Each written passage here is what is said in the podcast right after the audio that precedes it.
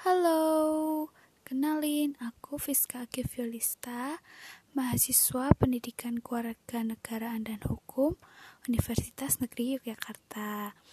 Hmm, podcastku kali ini uh, mau bahas mengenai asas hukum Islam, khususnya dalam ranah pidana. Nah, buat teman-teman semua, uh, semoga podcastku kali ini bisa jadi uh, tambahan ilmu ya dan pokoknya bermanfaat walaupun juga nggak seberapa ya. Yang pertama ada asas legalitas.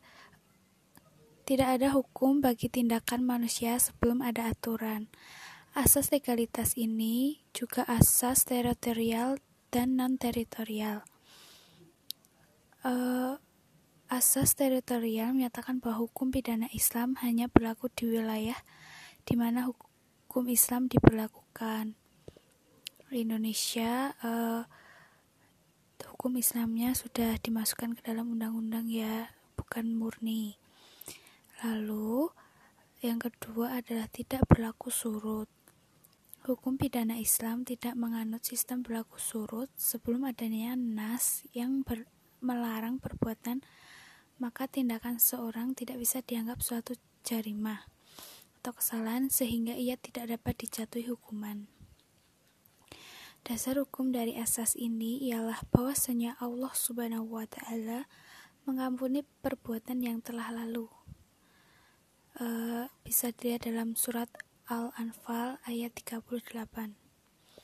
Katakanlah kepada orang-orang yang kafir itu jika mereka berhenti dari kekafirannya, niscaya Allah akan mengampuni mereka tentang dosa-dosa mereka yang sudah lalu.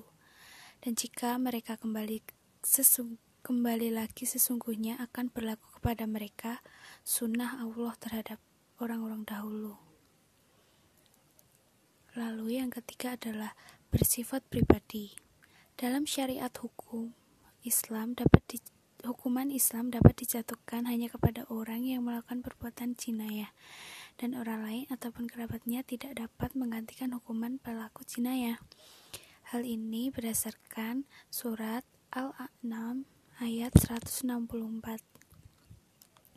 Katakanlah, apakah aku mencari Tuhan selain Allah, padahal dia adalah Tuhan bagi segala sesuatu, dan tidaklah seseorang membuat dosa, melainkan kemudaratan, kemudaratannya kembali kepada dirinya sendiri dan seseorang yang berdosa tidak akan memukul dosa orang lain. Kemudian kepada Tuhanmu lah kamu kembali, dan diberitakannya kepadamu apa yang kamu perselisihkan.